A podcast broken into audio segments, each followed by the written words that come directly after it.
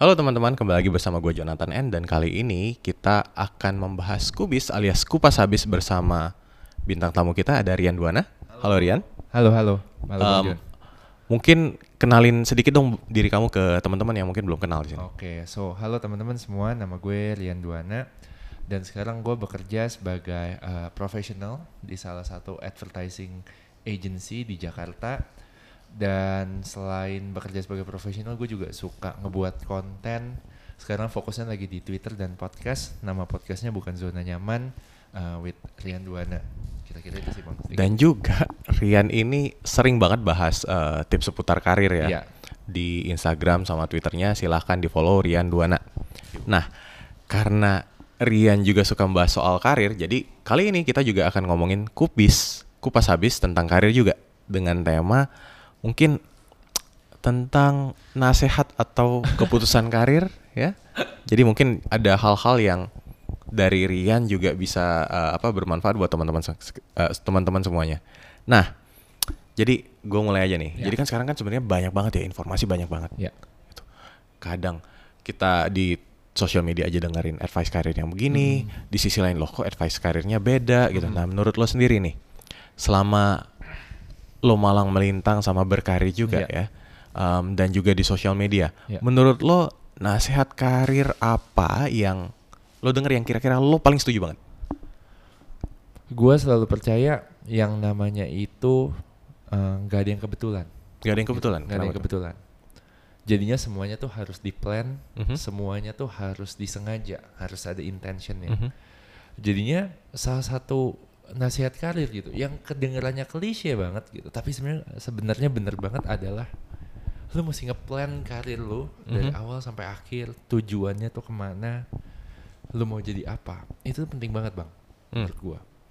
Karena orang selalu bilang ya, oh iya karir tuh mengalir aja ya gitu. Tapi orang suka lupa bahwa kalau kita mengalir kayak air, air tuh jatuhnya ke bawah. Ya. Jadinya kalau kita dibiarin ngalir begitu aja, pasti karir akan ke bawah. Hmm. Makanya spend waktu gitu untuk kita tahu kita tuh maunya apa, kita tuh sukanya apa, kita tuh pengen belajarnya apa gitu. Kayak Hmm. yang lu suka bilang bang gitu, lu mesti dengerin diri diri lu sendiri Hmm. gitu. Jangan dengerin orang lain. Kebanyakan anak-anak zaman sekarang tuh karena informasi itu banyak banget gitu. Ujung-ujungnya dia tuh bingung Ya. mesti ngikutin yang mana. Padahal semuanya bener, nggak ada yang benar, nggak ada yang salah gitu kan. Karena itu tergantung kita tuh butuhnya apa. Hmm. Makanya ya dengerin diri lu sendiri, tahu lu maunya apa, plan karir lu dengan baik. Itu tuh salah satu nasihat karir yang mungkin kedengarannya klise, tapi benar banget sih menurut gue ya. Nah, kalau misalnya oke di konteks fresh grad nih, Ya betul. ngeplan karir mungkin mungkin belum kebayang ya. Ya. Mungkin fresh grad kebayangnya masih kayak oh gimana ya gue dapat kerjaan gitu kan. Nah, ada nggak advice buat teman-teman fresh grad juga nih? Mm-mm. Gimana ya caranya buat mereka untuk bisa ngeplan karir kira-kira apa yang dibutuhkan? Oke, nah menurut gua pertama ya, eh kita mesti tahu dulu nih gitu, apa yang kita suka sama apa yang kita bisa. Hmm. Karena bi- apa yang kita bisa dan apa yang kita suka itu akan membantu kita buat memproyeksikan ke depannya tuh kayak gimana. Alright. Contohnya misalnya gini, gue tuh suka sama marketing. Ya. Gue tuh awal-awal karir gue, gue tuh bekerja sebagai konsultan brand. Hmm. Gitu ya. Apakah gue bisa? Belum tentu. Alright. Karena waktu itu ya eh, apa ya bilangnya, ya namanya fresh grad gitu. Tapi gue suka. Lama kelamaan karena gue suka ngerjainnya, gue jadi bisa. Hmm. Gitu. Jadi belajar juga Jadi ya. belajar juga. Apakah itu akan seperti itu selamanya gue suka marketing? Enggak juga. Karena ya orang berubah, hidup berubah. Tapi balik lagi, ketika kita tahu gitu kan bahwa oh kita sukanya apa dan kita bisanya apa, di awal-awal itu akan membantu banget. Kayak sekarang gue, Hmm. gue jadi suka eh, sama public speaking karena yang namanya kerjaan marketing ya kita selalu presentasi, jualan, bikin pitch deck gitu dan kita harus present di depan manajemen misalnya atau brand team. Awal-awal gue inget banget gue gemeteran banget gitu kan kalau Hmm. misalnya kita mau present something gitu.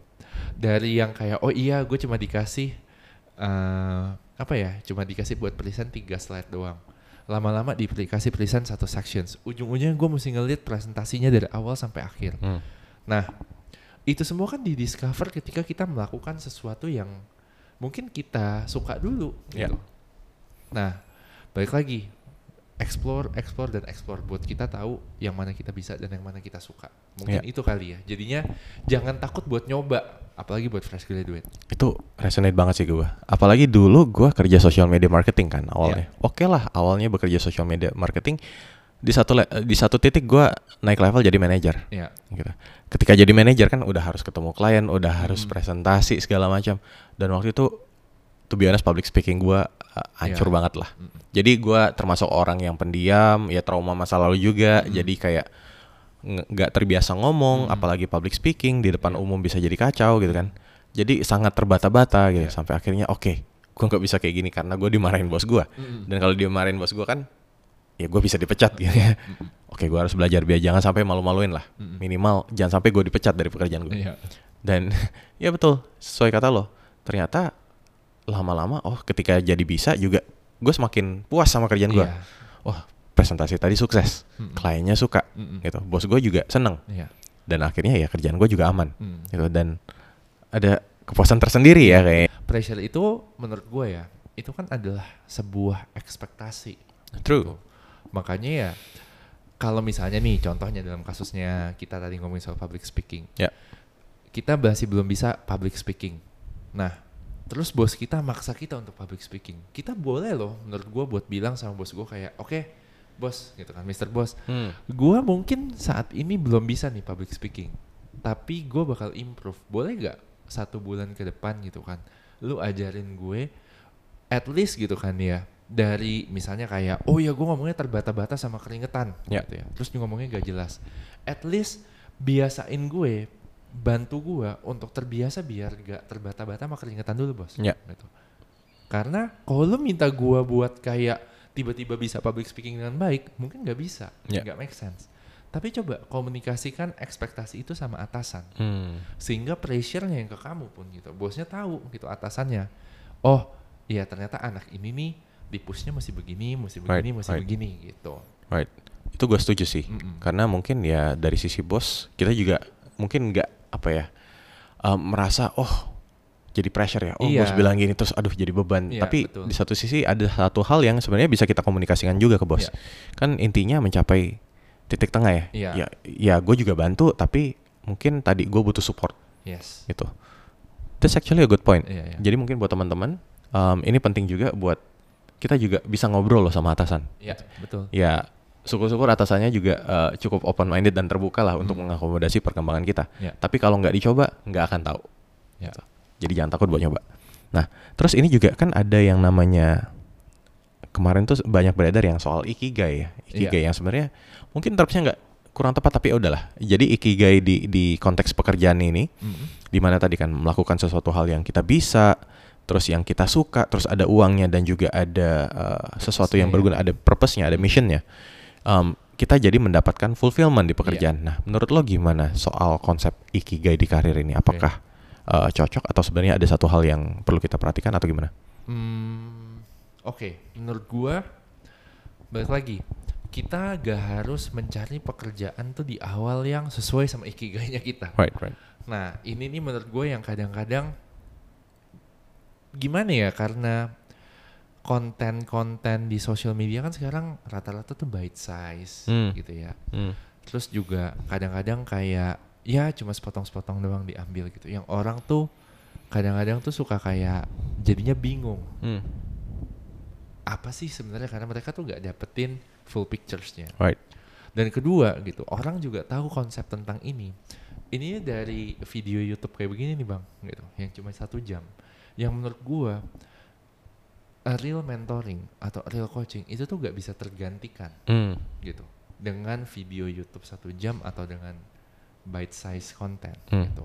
Nah awalnya mungkin gue pengen teman-teman tuh sadar itu dulu gitu kan, karena kalau misalnya nggak nggak nggak nggak sadar itunya akan susah nih buat nerima perkataan gue gitu Ya. kan, karena balik lagi gitu, menurut gue gitu kan, ikigai itu adalah sesuatu yang lu tuh mesti cari tapi pencariannya itu lu nggak tahu mulainya dari mana Mhm. bentuknya tuh dari mana Mhm. kemudian juga asalnya dari mana gitu kan karena itu gue pun baru tahu ikigainya gue mungkin setelah gue 10 tahun berkarir Hmm. gitu bahwa ternyata gue gak suka-suka amat loh sama marketing gitu. Hmm. tapi gue good di marketing tapi gue ngelihat dari angle marketing bahwa oh ternyata gue suka ya public speaking nah apakah dunia membutuhkan orang untuk merokok lebih banyak ya jawabannya pasti enggak ya gitu kan karena kita semua tahu rokok itu nggak bagus untuk kesehatan nah kalau kita cuma ngeliat angle-nya dari situ doang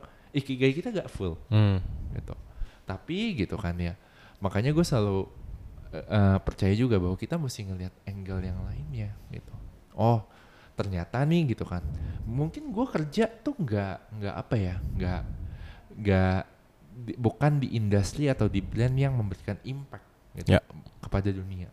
Tapi dunia itu itu tuh kalau lu mikirin dunia gitu. Tapi gue uh, pernah baca apa ya? Pernah baca uh, salah satu Instagramnya dari uh, Ko Edward Suhadi. Dia bilang Hmm. kalau lu mau ngerubah dunia gitu, mulai itu dari yang sejangkauan tangan, Ya. gitu. Mulai dari yang sejangkauan tangan. Lu lihat gitu, tim lu di kantor, atasan lu di kantor, misalnya, atau rekan kerja lu di kantor. Dari apa yang lu bisa dan lu suka, bisa gak lu nolongin mereka? Hmm. Karena menurut gua that's how you fulfill your ikigai Right, right. gitu. Dari apa yang se se, se apa ya? Iya, sejangkauan tangan gitu. Syukur-syukur kalau misalnya lu bekerja di perusahaan yang memberikan impact gitu. Right, Tapi right. kalau enggak, ya udah fokus aja apa yang di jangkauan tangan Right. gitu. Itu perspektif bagus sih. Jadi impact juga kita nggak har- nggak berarti oh impactnya harus yang skala gede Iya. gitu ya. Tapi ya bisa dimulai dari apa yang ada di depan mata Iya, kita. Jadi iya. ibaratnya kayak think global, act, act local ya. Yes, betul. betul. Mungkin gua kasih contoh kali ya. Jadinya di perusahaan gue sebelumnya gitu, uh, di salah satu fintech company, gua tuh punya prinsip bahwa uh, ketika gue datang gitu kan sebagai Hmm. seorang leader, sebagai seorang head, tugas gue tuh satu, gue harus membuat hidupnya tim gue jadi lebih baik. Hmm. So I try to be a human as possible gitu kan, as human as possible gitu kan. Dengan melakukan yang kayak apa yang gue bisa dan apa yang gue suka sebaik mungkin. Which is ya gue bisa uh, ngasih input tentang marketing, tentang ya bagaimana manage project dan lain sebagainya. Dan ujung-ujungnya apa? Gitu? Gue juga berusaha menjadi manusia yang baik. Mhm. karena balik lagi gue tuh suka ngedengerin orang gue suka ngedengerin cerita orang. Nggak sampai kayak lu sih bang curhat berbayar gitu. Tapi gue suka ngelihat kayak apa ya ngelihat kayak oh ketika orang ngobrol sama gue orang tuh ngerasa kayak oh iya dia terbantu nih Ya. gitu kan dari ketika dia mendengarkan gue bahkan gitu gue melakukan itu di semua tim gue di semua pekerjaan gue ya lucunya gitu kan bahkan setelah gue resign pun gitu ya kita masih suka ngumpul kita masih Hmm. suka hangout mereka masih suka ngegosip gitu kan yang kayak gue bilang kayak gue kan gak di situ lagi gitu kenapa lu cerita ya iya bisa kita ngerasa kita ada yang pengen denger gitu. buat Hmm. gue itu ikigainya gue gue gak perlu tuh gitu yang kayak kayak apa ya kayak oh iya setelah gue kerja di fintech masyarakat Indonesia jadi melek Hmm. finansial 100% gitu kalau gue cuma ukuran gue ikigai seperti itu it will be tough buat gue gue Ya. gak bakal fulfill tapi ketika gue ngelihat keseharian gue ternyata gue mengimpact orang sejangkauan tangan gue dan mereka happy sama gue oh at least ikigai gue terpenuhi Right, right. Itu sih Dan mungkin juga impactnya lebih gede ya. ya Karena betul. kan ya tadi daripada lo mencoba yang lebih masif tapi jadinya kayak kecil kecil Yes, kecil kecil yes. ya mending satu dua orang sedikit tapi impactnya bisa gede. yes betul Right, nice nice. Nah, ada satu nasihat nih.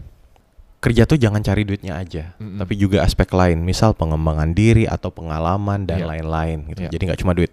Ada orang-orang yang mungkin fokusnya lebih ke duit, yes lebih ke duit dan jadinya bukan soal dirinya berkembang, tapi ya udahlah gue pindah-pindah aja gitu mungkin biar gajinya naik cepet. Ya. Tapi at one point ketika gajinya udah tinggi juga, tapi skillnya segitu-segitu aja, Iya. ini akan ya udah mentok aja di situ yes susah. Mungkin bisa pindah tapi mungkin turun gaji. Mau nggak nerima turun Iya, gaji? Nah betul. itu kan susah karena ya tadi ya salah fokus ya. Ya, salah Right. fokus. Ya, makanya gue tuh ya sebenarnya Hmm. oke ini gue gak tahu ya semoga gak ada yang tersinggung.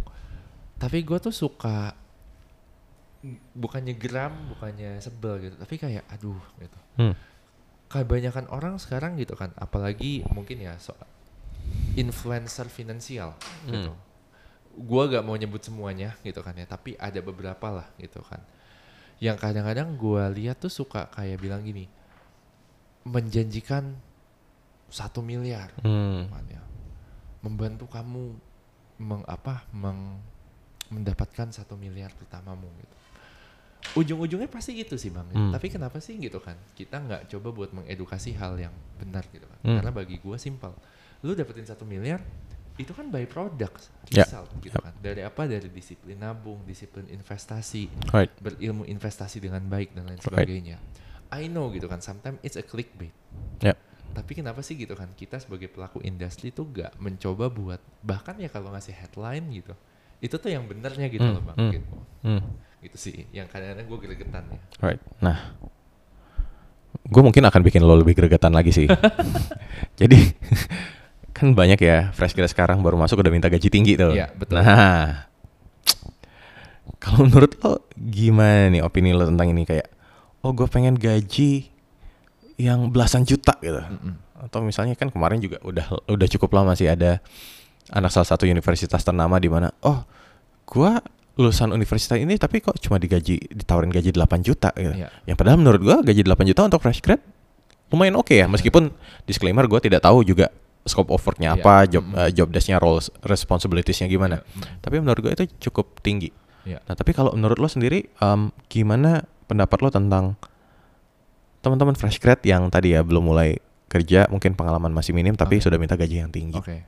Nah, ini gue ngomong gini karena ini kan konteksnya adalah karir dan profesional. Kita Ya. lagi ngomongin soal entrepreneurship Ya. ya, Bang, ya, gitu kan. Karena balik lagi gitu, menurut gue ekspektasi untuk mendapatkan 8 juta itu kan berarti ya kira-kira ya hampir 100% UMR lah Hmm. gitu kan. Which is itu impossible karena yang namanya perusahaan itu secara hukum itu harus mengikuti standar dari pemerintah Mhm. gitu ya. Habis itu juga harus ada industri ada rate industri lah gitu kan yang Mhm. harus diturutin.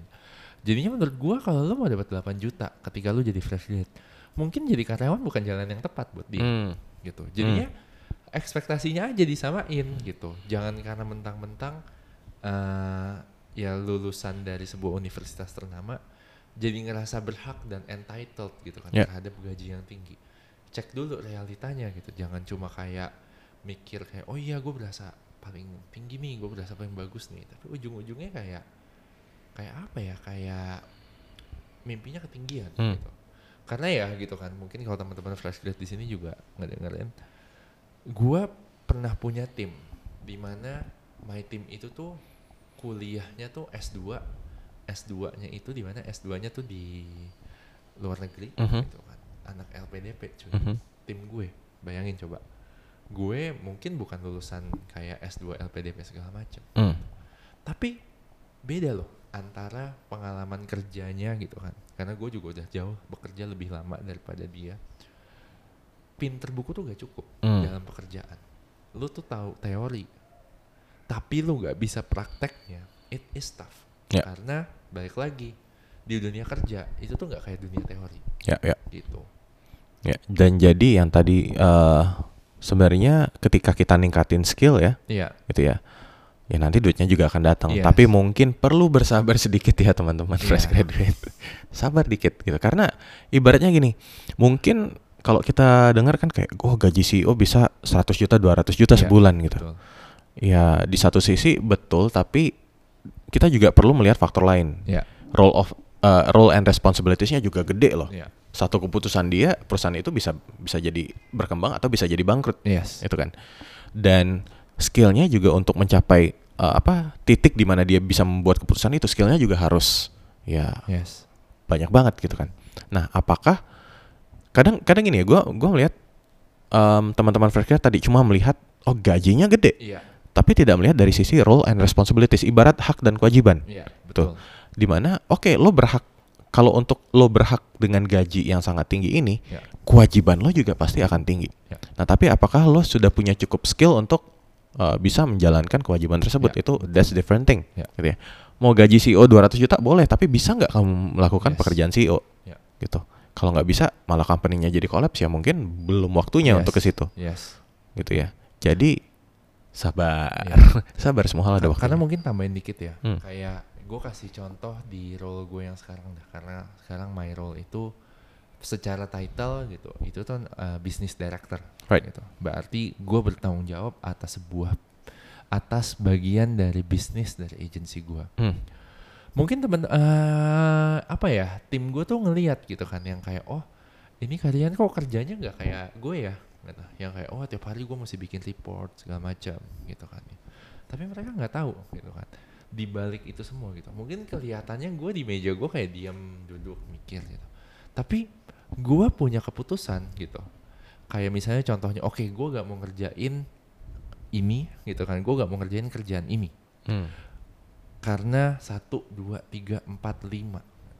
Nah ketika gitu kan yang gue mengambil keputusan itu resikonya klien bisa marah klien bisa happy we can lose the clients. Hmm. so keputusan gitu kan yang gue ambil itu tuh bisa mempengaruhi jalannya sebuah bisnis Ya. gitu makanya kalau kita udah semakin tinggi levelnya apalagi ke managerial atau leadership levels gitu technical skills tuh udah udah gak apa ya udah gak terlalu relevan Hmm. teori buku gitu kan itu udah gak terlalu relevan tapi pengalamannya kita kebijakannya kita itu yang dinilai Hmm. nah itu yang ngebuat kita tuh semakin tinggi levelnya semakin dibayar mahal karena ya kayak tadi bang John bilang satu keputusan itu bisa mempengaruhi jalannya company Right. gitu Right. Oke nih, gue mau nanya soal uh, culture hustle nih. Iya. Nah, menurut lo gimana dengan hustle culture kan ya kayak hidup isinya kerja kerja kerja, Iya. habis kerja ada saya jawaban lagi, terus biar bisa work hard play hard, Iya. habis itu foya foya nongkrong di cafe hits dan lain-lain. Lo gimana pendapat lo mengenai, Iya. mengenai culture ini? Nah gue sebenarnya udah pernah ngebahas hustle culture ini di salah satu uh, podcast gue ya, Ya. gitu kan episode podcast gue. Jadinya gue selalu merasa bahwa yang namanya hustle culture itu tuh it's okay, Hmm. tapi kita harus tahu tujuannya tuh ngapain. Hmm. Karena balik lagi waktu kita masih mungkin gue lebih muda gitu ya waktu itu bang John gitu. Kita sekarang lembur dikit dah perlu dikerokin lah ya gitu kan ya.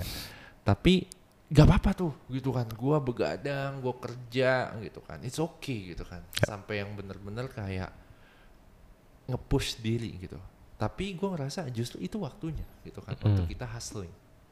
Karena mungkin kalau lebih muda ya kita nggak punya tanggungan. Ya. Kita jauh lebih uh, risk risknya kita tuh jauh lebih rendah lah daripada yang kita setelah tua gitu.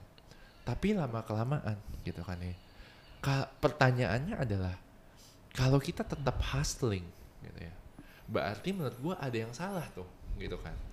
Dari ketika kita hasil culture dulu gitu Hmm. kan, ketika kita kerja keras banget karena ketika kita kerja keras, berarti kan ibaratnya kita melakukan sesuatu tuh diulang-ulang, diulang, diulang-ulang sehingga kita lebih master di Hmm. situ. Right. Nah, di awal kita hustling misalnya 10 menit buat ngerjain satu hal. Tapi karena kita hustling terus-terusan, terusan-terusan, harusnya gitu kan setelah sekian lama, ya kita jadi punya dua menit, tiga menit ngerjainnya dari 10 menit. Betul. Ujung-ujungnya kita gak usah hustle lagi setelah kita melakukan hal yang sama. Makanya gue ngelihat gak salah untuk kita hustle culture di awal dengan objektif bahwa kita tuh harus belajar, harus mengembangkan diri sehingga kita bisa menjadi master di Hmm. something. gitu. Yang jadi masalah gitu kan, kadang-kadang kita hustle culture tuh balik lagi. Kita tuh nggak tahu kita tuh ngejarnya apa. Ya. Karena kalau misalnya kita ngejarnya uang, kita ngejarnya gaji, ngejarnya jabatan, percaya deh, ujung-ujungnya kita pasti akan capek dan kecewa Hmm. karena nggak habis-habis. Makanya kejarlah self development, pengembangan diri, pertumbuhan, sehingga kita bisa menjadi master di something yang ujung-ujungnya kita nggak harus gitu kan kita nggak harus kayak apa ya nggak harus keluarin effort yang sama di awal-awal untuk melakukan sesuatu Ya. dan kita dibayar lebih gitu Right, right. Mungkin ini uh, nyambung lagi tadi ya di awal di mana um, fokusnya itu di pengembangan dirinya Yes, aja ya, yang betul. selalu lo bilang, betul gitu. Right, right. Dan kalau menurut lo sendiri nih, Hmm. hal apa yang paling penting dalam karir? Oke, mungkin uh, yang paling penting di dalam karir adalah oke, relate-nya tuh ke pengembangan diri sebenarnya Hmm. gini. Karena yang namanya balik lagi hard skill dan soft skill gitu ya. Yang namanya hard skill gitu, itu tuh kita akan mentok, bang. Ya. Gitu. contohnya gitu social media zaman lu nge- nge-handle social media dulu sama nge-handle social media sekarang pasti akan ada perubahan tapi prinsipnya sama Betul, iya sih betul. Gitu. lu media namanya paid on earn gitu dari 10 tahun lalu sampai sekarang itu juga masih sama Ya. gitu ujung-ujungnya apa? Ketika kita fokus hanya ke hard skill itu akan mentok. Hmm. lu bisa sebagus apa sih bikin presentasi? Hmm. lu bisa sebagus apa sih bikin marketing strategi gitu. Karena akan ada yang lebih bagus akan ada yang lebih bagus akan ada yang lebih bagus Hmm. gitu. Makanya gue ngerasa hard skill tuh pasti mentok. Yang nggak mentok apa? Soft skill leadership skill. Karena setiap kita akan diharapkan untuk berkembang lebih kayak bijak dalam mengambil keputusan. Kita bisa tahu gitu kan bagaimana kita bisa ngatur tim. Kita tahu bagaimana kita tuh bisa ngehadapin konflik. Itu kan soft skill. Right. makanya gue ngerasa grafiknya hard skill gitu kan di awal-awal gitu. Itu tuh pasti kita akan ber- eh, beralih penuh bergantung penuh kepada hard skill. Tapi lama-lama gitu kita juga harus mengembangkan soft skill. Ya. karena di karir. Kalau misalnya lu udah jago jadi eksekutif ntar lama-lama lu naik jadi manajer.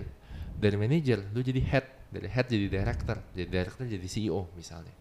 Semuanya gitu. Ketika lu udah di high level seperti itu itu pengaruhnya tuh soft skill. Alright, makanya pelajarilah hard skill sebaik mungkin pelajarilah soft skill sedini mungkin. Betul. Gitu. Dan ini mungkin yang banyak miss ya dari Iya. kita tentang soft skill.